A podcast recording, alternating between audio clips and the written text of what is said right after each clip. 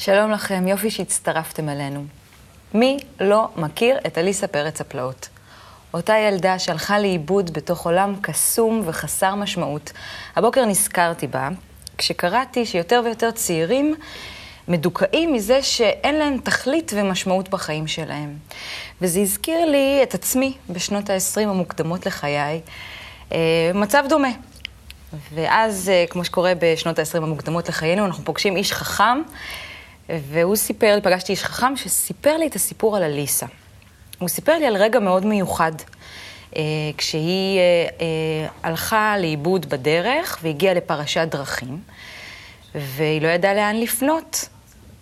ופתאום על העץ ממולה הופיע החתול המחייך, אז היא שאלה אותו, סליחה, לאן אני צריכה לפנות?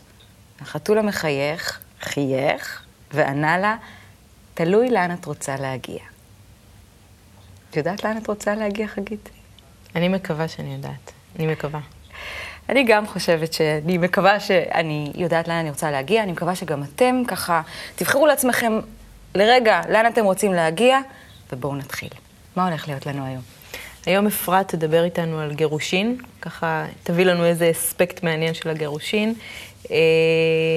תעזרי לי, בטי, תדבר איתנו על רעל וריפוי. כן, תהיה פה מורן בירינגר, היא תדבר איתנו על קומראן, אותו אזור ליד ים המלח, אה, ותהיה כאן שלומית אבני, ואני אשאל אותה על אה, חוסר סבלנות של ילדים.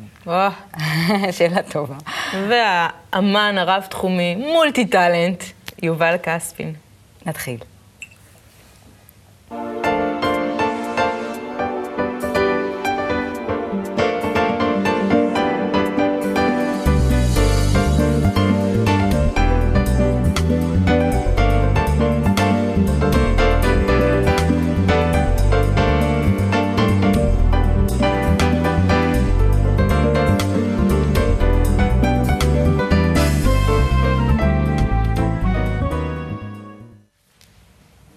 היי אפרת. אהלן. מה העניינים?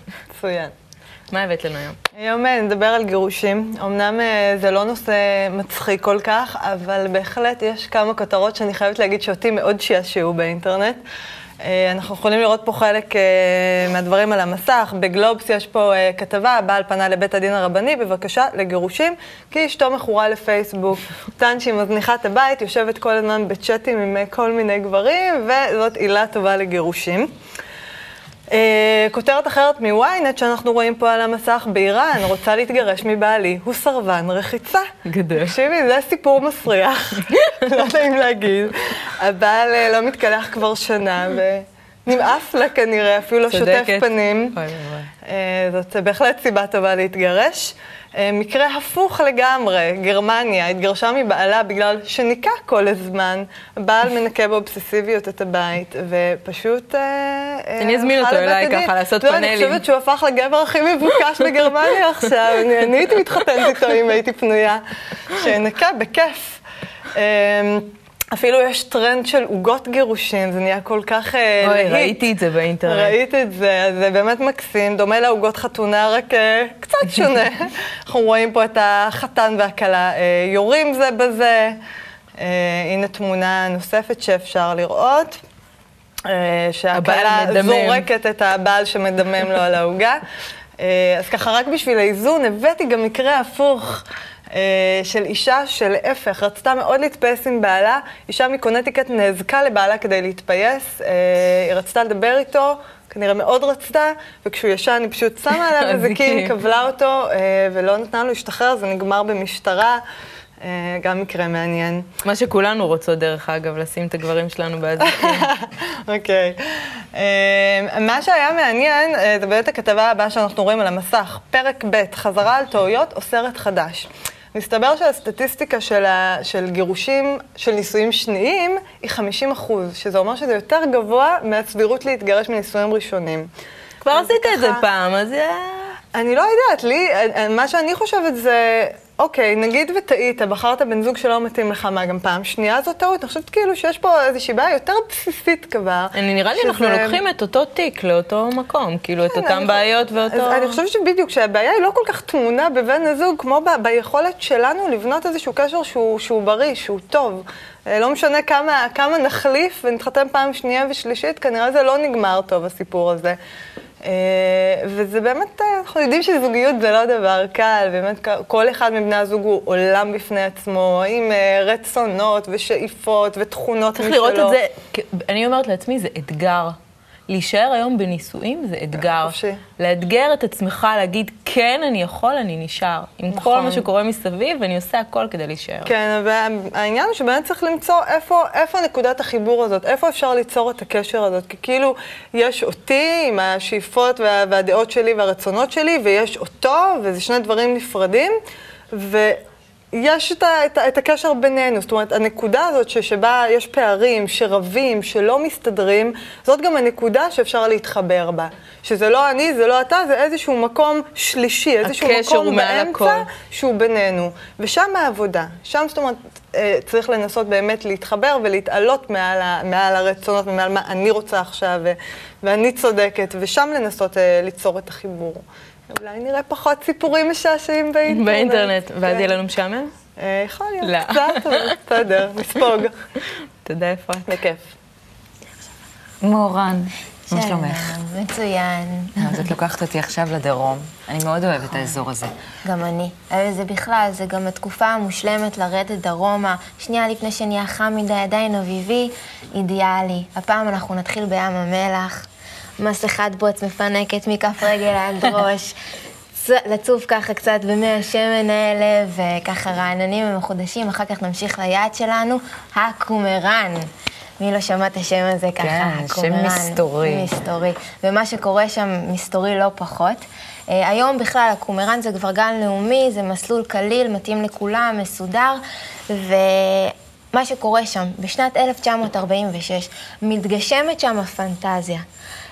של כל ארכיאולוג, היסטוריון או חובב טבע מושבע, מתגשמת לה ככה, בלי שהוא אפילו פינטז לכזה דבר.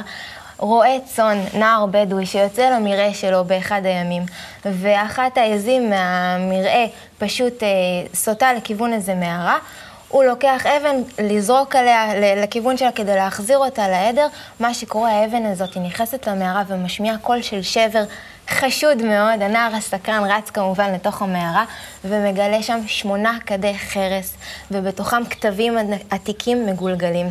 הוא מאוד התלהב, הוא חשב שהוא מצא חומר שהוא יוכל לעשות ממנו סנדלים סוף סוף, והאמת היא שלא היה לו מושג שהוא גילה שם אוצר. אז את הכתבים האלה אנחנו מגילים, מכירים היום בשם המגילות הגנוזות, או מגילות ים המלח, וזה בעצם התגלית הארכיאולוגית הגדולה והעצומה ביותר שהייתה אי פעם בישראל.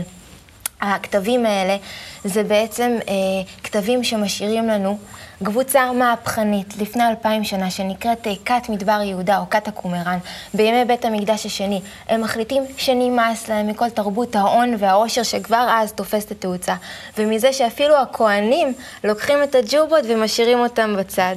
הם יורדים לדרום להתבודד ובעצם אה, עושים שם את הדבר הכי מהפכני של אותה תקופה. הקיבוץ הראשון לא בישראל, בעולם כולו.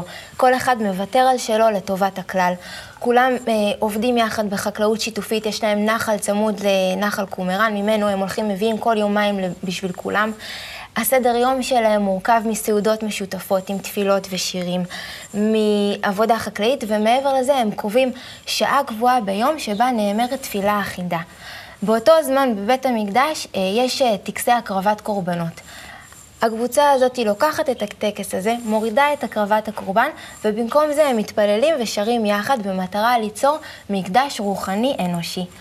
הם אה, בעצם כותבים שם המון על השקפת העולם שלהם, על ההיסטוריה באותה תקופה. יש שם המון כתבים תנכיים מאוד מאוד עתיקים. נמצא שם התפילין העתיק ביותר בעולם. נכון. והם אה, בעצם אה, עושים הכל, מתחייבים לעשות הכל במשך כל החיים שלהם לטובת כולם. וואו, הם בעצם לוקחים את מה שהיה קיים אה, ואולי נהיה לא טוב. נכון. השתמשו, עשו שימוש לא נכון בכל העניין של בית המקדש והקורבנות, והם מעבירים את זה אה, ביניהם, ביחס ביניהם, בקשר נכון, ביניהם. נכון, בדיוק. הם, הם לוקחים את כל הערכים, את כל מה שקיים כבר ביהדות, ובעצם הם מבססים את זה על הקשר ביניהם. אה, זה מאוד מהפכני ללפני אלפיים שנה, ואני חושבת שגם נכון להיום אפשר להגיד שזה די מהפכני. אה, היסטוריון וסופר גדול בשם פילון, שחי באותה תקופה, כותב עליהם משהו מאוד מעניין, ואני רוצה להקריא. שוכנים הם בצוותא כשהם מאורגנים חבורות חבורות עם סעודות משותפות, וכל ימיהם הם מקלקלים את מעשיהם לטובת הכלל. מצמרר. אה, מצמרר. ובכלל, המדבר עוצמתי ומעורר השראה, אז uh, מומלץ מאוד עכשיו לנסוע, ולא לעבור את השלט הזה עם החץ לקומראן כמו תמיד, הפעם לבדוק מה קורה שם. תודה רבה, מורן. תודה לך. יובל כספין, כמו שאמרתי, מולטי טאלנט, אתה נחשב לככה אה, מעצב בגדים יוקרתי, אתה מעצב גם בגדים לתיאטרון, הרבה מחזות זמר מאוד מפורסמים, אה, למחזמר המצליח מרי לו, אתה אוהב את הבמה, אתה שר, יש לך שתי הופעות שאתה רץ איתן. Uh, הייתה לך תוכנית שאני מאוד אהבתי, אני יודעת שגם מאיה מאוד אהבה, מסיבה בערוץ 10. Uh, בערוץ E יש לך את בדרך לחופה, אתה מגיש תוכנית רדיו, הרשימה עוד ארוכה ארוכה. טוב, תמשיכי, אני אלך, אין צורך תגידי כבר את הכל. קודם כל, תודה על, על הפרגונים. אז אתה יוצר. כן. אתה גם סטייליסט, גם זה, גם זה, גם זה. מה זה יצירה בשבילך? אמ, הרי יצירה ויצר הם מאותו שורש. אין, אה, וזה איזשהו, אה, איזשהו באמת אה, צורך יצרי לעשות, לפענח בדרך שלי את, ה, את, ה, את הדברים בכל התחומים האלה שאני נוגע בהם. ו, ואני חושב שהיום הצורך שלי הוא יותר גם להעביר אותו הלאה. אז בשביל זה פעמיים בשבוע אני עולה על הרכבת ונוסע ללמד בחיפה כדי ללמד את הדור הבא. בשביל זה אני מתנייד בארץ עם הרצאות.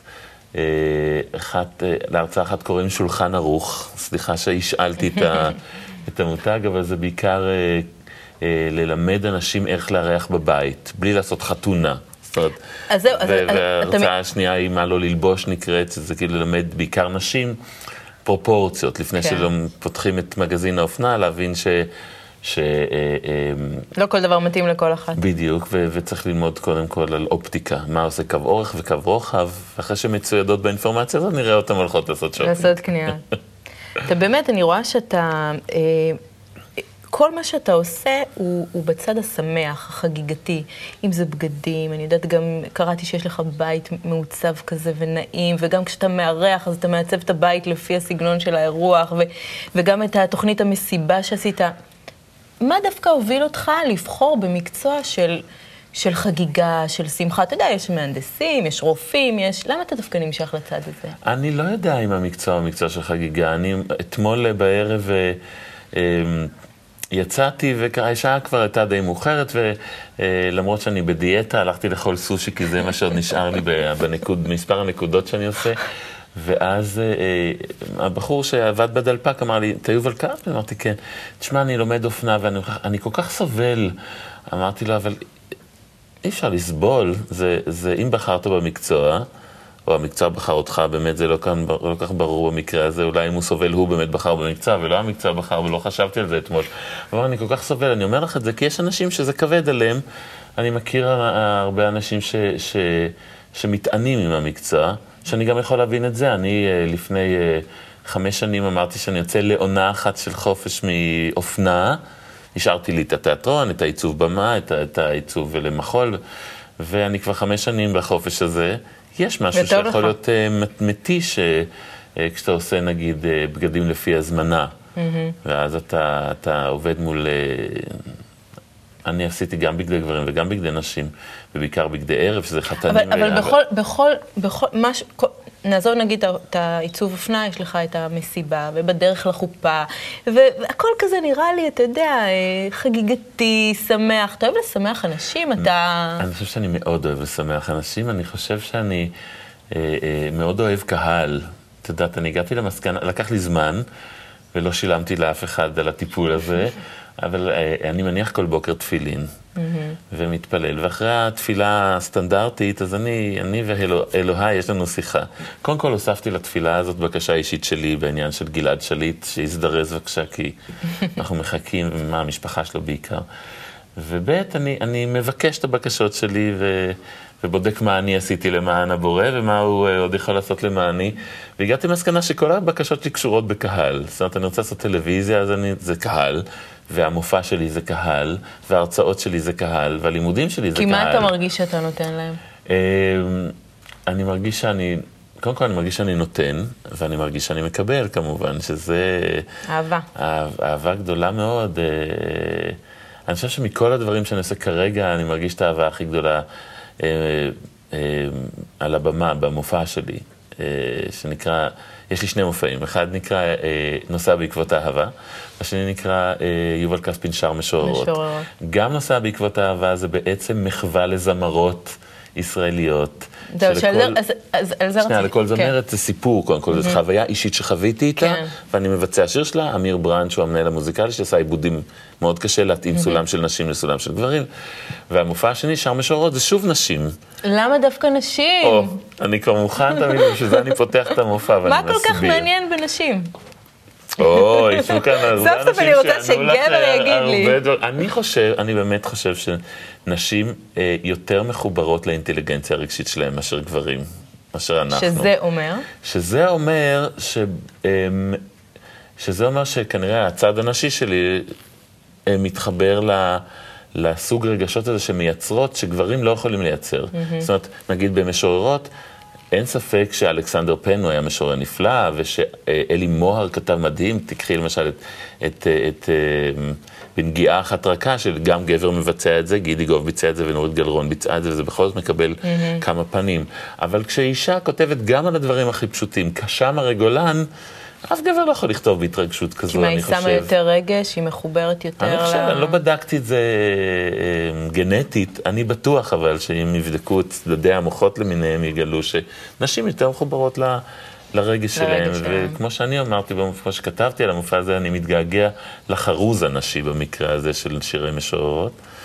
ואני, על המופע הזה בכלל, זה ה baby החדש, ואני מאחל לכל זמר בכל רמה שהוא, משלמה ארצי ועד אה, סרנגה, שמישהו יכתוב על המופע שלהם, שהם מתנים אהבים עם השירים, שזה מה כן, שכתבו קראתי את עליי. זה, כן. וזה, זה, זהו, זה אז נתן לי... ש- אה, שמתי לב שאתה באמת מתחדש כל הזמן, מעיצוב אופנה, למנחה, ל- ואנחנו ככה היום, התוכנית שלנו בסימן של התחדשות, ככה אביב וכאלה.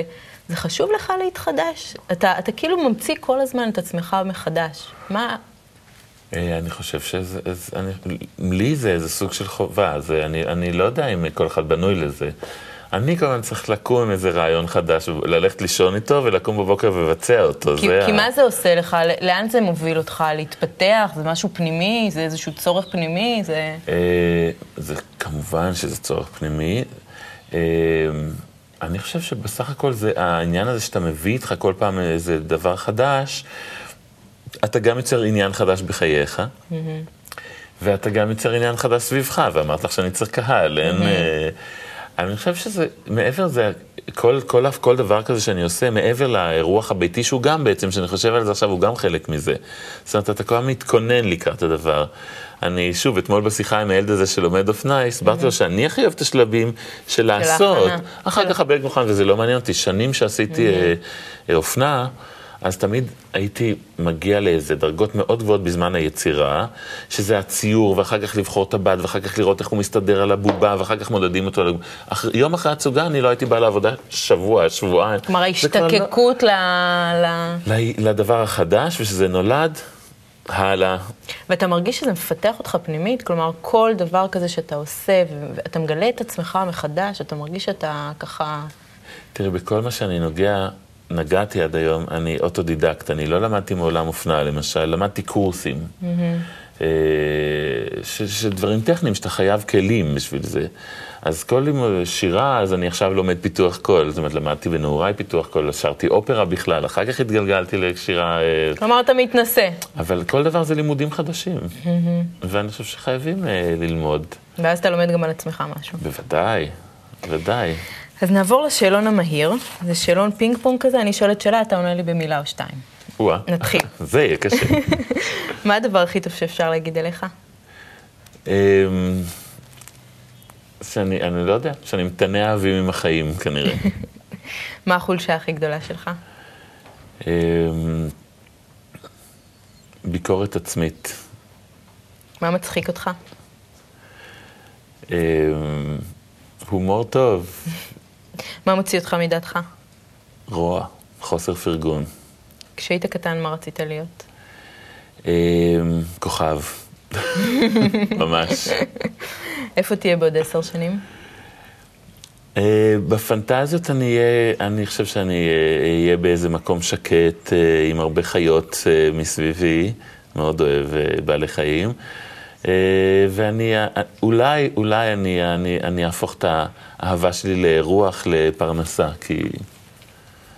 עכשיו, תן לנו טיפ קטן, אנחנו, יש משבר כלכלי מסביבנו, ובאמת, אנשים קצת מחזיקים את הכסף בכיס, אישה אף פעם אין לה מה ללבוש, אתה יודע, עומדת מול המראה וזה. איך אנחנו דווקא בזמן המשבר הכלכלי הזה יכולים לראות טוב, יכולים להמשיך לארח, בצורה, אתה יודע, לא גרנדיוזית ו... אה, קודם כל, אה, אם אנש, נשים וגברים היו מבינים את השפה שהארון שלהם מדבר בה, ולבגדים יש שפה, שזה אנחנו אומרים, הבגדים עושים את האדם, אני חושב שהאדם גם עושה את הבגדים, וזה יחסים דואליים יפהפיים. Mm-hmm. אז, וכשאתה מרכיב את הארון באופן שיש לך נגיד שלושה צבעים, כי את השאר אתה לא באמת לובש, ואתה לא עוצף וצובר, אז אתה יודע מה הולך עם מה, ולא תמיד מוכרחים לקנות את כל הבגד. אפשר תמיד לקחת חלקי בגדים ולהתאים אותם למה שיש לך כבר בארון. זה כלומר, דבר לעשות שני. וריאציות. אה, כן, דבר שני זה, אין דבר יותר חשוב מאביזרים כשמתלבשים. אז אותו בגד יכול להיראות טוב בבוקר, עשיתי על זה ניסיון, בבוקר, בצהריים, בערב ובלילה, עם אביזרים שונים. ממש אותו בגד, והוא יכול להיות בגד פשוט. אה, לגבי רוח, אה, קודם כל אני, אני באמת מציע לעקוב על אחרי המבצעים המוזלים.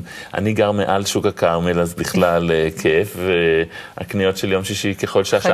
מתארכת לק- לקראת שבת, אז המחירים יורדים. זול. אה, ולארח, חלק מה, נגיד, ההרצאה שלי על עיצוב שולחנות, זה איך לעשות לבד.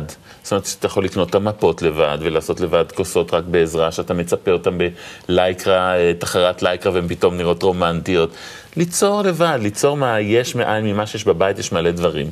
כנסו למחסן או לא לחדר הזה שאתם לא. פותחים הרבה, לא צריך לבזבז הרבה כסף. להמשיך להתלבש ו... ולהמשיך לרצות לארח, שזה הכי חשוב, וליהנות מזה. מי שעושה את זה עם, עם הנחה, עם איזה אוי, עכשיו יש אורחים, זה לא יצא זה לו. לא עובד. צריך לתת משהו פנימי יותר. צריך לאהוב את זה. לאהוב את זה. תודה, יובל. תודה לך.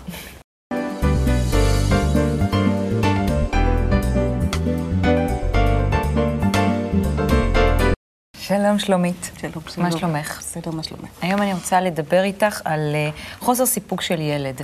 אה, חוסר סבלנות של ילד. חוסר סיפוק זה לתוכנית הבאה. חוסר סבלנות של ילד. יש לי ילדה בת שלוש, את כבר יודעת. אה, אני מרגישה שהילדה חסרת סבלנות. קודם כל נתחיל עם באופן כללי. חוסר סבלנות באופן כללי. היא ממש, גם מאז שהיא הייתה תינוקת, זה היה מאוד, מאוד מובהק. כן. אני חושבת שדווקא אה, זה עוזר מאוד שאת שמה גם פה את העניין של הגיל, כי כשאנחנו מדברים על המקום הלא סבלני זה אצל ילדים, צריך גם אה, להבדיל ולא להגיד את כן. הילדים ככה בסירה אחת כל הילדים. יש איזשהו משהו שאנחנו צריכים להבין על זה שהצורך בסיפוק מיידי הוא משהו שהם נולדים איתו. ואנחנו יכולים להסתכל, לא, לא צריך הרבה כדי להסתכל על תינוק ולראות שהוא צריך את מה שהוא צריך כרגע ועכשיו. כן, שזה עכשיו, לגיטימי. שזה הכי לגיטימי, וזה אומר שמשהו בשריר הזה שנקרא תחיית סיפוקים עוד לא מאומן אצלו, ואולי כבר זה נותן לנו כיוון. כי אם אנחנו מבינים שזה איזושהי יכולת מולדת אך לא מאומנת מספיק, אז התפקיד הוא ש- שלנו. שיש יכולת כזו? כן, היכולת היא לא. היא, היא, היא מתחילה בכמעט אפס. ואם אנחנו רוצים לקחת אותה עוד, אז אנחנו צריכים לאמן שם משהו, שזה יגדל מאפס למשהו שהוא יכול באמת לחכות, אה, כל, כמו כל דחיית סיפוקים, אה, לראות שאני יכול לעשות משהו עם אותו תסכול שעולה, שזה ככה איזו הכלה של הרגש באותו זמן, ועדיין באמת לחכות עם ה... לקבל את מה שאני רוצה. אז איך אני עושה את זה? מה זה אז להכיל כמו- את הרגש? את יודעת, זה כמו קצת שאנחנו אומרים, אז איך אנחנו מאמנים שריר? אנחנו לא עושים את זה בבת אחת. כדי לאמן שריר, ואם אני אקח מאנלוגיה מחדר כושר, אבל אני לא הולכת לחדר כושר, אבל מה שאנחנו יודעים על חדר כן. כושר, זה שאנחנו עושים את זה לאט, בעקביות, ולאורך זמן. לאורך זמן, ומשהו שהוא חוזר על עצמו, כדי שהדבר הזה באמת יוכל להתחזק. רגע נתון, חוסר, אני מזהה חוסר סבלנות אצל הילדה שלי, מה הדבר הראשון שאני עושה? הדבר הראשון שהכי מומלץ זה לא לכעוס על זה. זה אוקיי. להבין את זה. וברגע שאנחנו מבינים את זה, ואנחנו מבינים שזה משהו נולד ועוד לא מחוזק, אז כבר אנחנו באים לסיטואציה יותר רגועות, אוקיי. יותר רגועים, וגם היא לא חווה משהו ככה בחוויה שזה לא בסדר, אלא משהו שאפשר באותו רגע להכיל, אולי לשקף לה שאנחנו רואים שזה מעצבן אותה, או מתסכל אותה, או מה שאנחנו אומרים בגובה העיניים, ולהיות איתה, עד שהדברים האלו אה, ככה יירגעו, וזה באמת מה שאנחנו קוראים הכלה.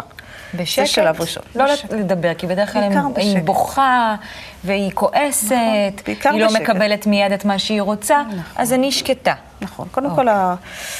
יש את המשפט הזה שאומר שקודם כל תירגעי, אז קודם כל תירגעי, אז זה אוקיי, נכון. זה נכון. מכיוון שהרגש זה דבר שאנחנו נדבקים ומדביקים. אז אם אנחנו באים בסיטואציה הזאת רגועים, והיא עם התסכול, תסכול, בסוף יוצר שם איזשהו איזון, נדבקת יופי. ברוגו שלנו, ואנחנו לא נדבקים בתסכול שלה. וכבר אה, זה כיוון אחד. דבר נוסף זה לראות, אה, ושאנחנו ככה עולים עם הגיל, ואנחנו כבר מבינים שכן יש לו יכולת של דחיית הסיפוקים, וכן אימנו את השריר, בזה שאנחנו יכולים באמת לתת את ההכלה והרבה עידוד לזה שהוא כן חיכה בסבלנות זאת לדברים. אומרת, ברגע שאני מכילה אותה, אחרי זה אני גם אומרת לה, את רואה? מאוד חשוב. כל הכבוד, חיכינו, ובסוף קיבלת חשוב. את מה שרצית, נכון. או לא קיבלת, אבל... כמו המאמן כושר שאומר, מעמד." כל הכבוד, יופי. כן. היום שמת עוד משקולת, או כל דבר אחר שאת עושה שלא עשית אתמול. ובמובן הזה כבר אנחנו גם מרגיעים, גם נותנים מקום של תחושה מאוד מאוד טובה שהיא יכולה, ואם היא יכולה, אז היא יכולה לחזור על זה גם. כן. מה עם תסכול אה, שלה מדברים שהיא עושה? שאני מתבוננת מהצד ואני רואה שהיא מנסה להרכיב משהו ולא מצליח לה, אז היא זורקת אותו. זה גם איזה סוג של חוסר סבלנות. גם שם יש חוסר סבלנות, וגם שם אנחנו יכולים לעזור בלתרגם את מה שקורה לה. אה, הרבה פעמים אנחנו קוראים גם למקום הזה, שאנחנו רואים את הרגש אצל הילד, ויש לזה ככה מילה עברית, אה, שקוראים לזה שיום, כאילו לתת לזה שם. כי מה שחווה הילד, הוא חווה משהו מתפרץ, רגש זה דבר מתפרץ, ויכול מאוד ככה בהרגשה שלו, גם הרגש עצמו הוא משהו מאוד מפחיד, ומה שאנחנו יכולים להגיד לה זה פשוט לתת שם לדברים האלו שקורים.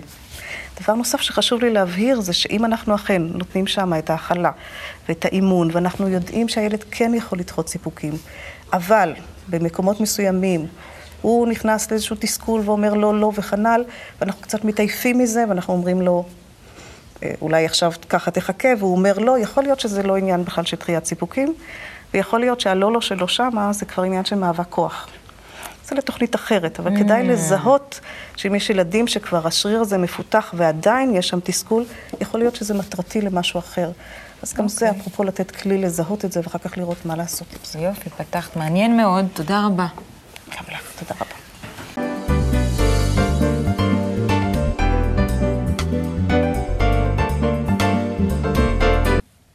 תודה שהייתם איתנו, ונתראה בתוכנית הבאה.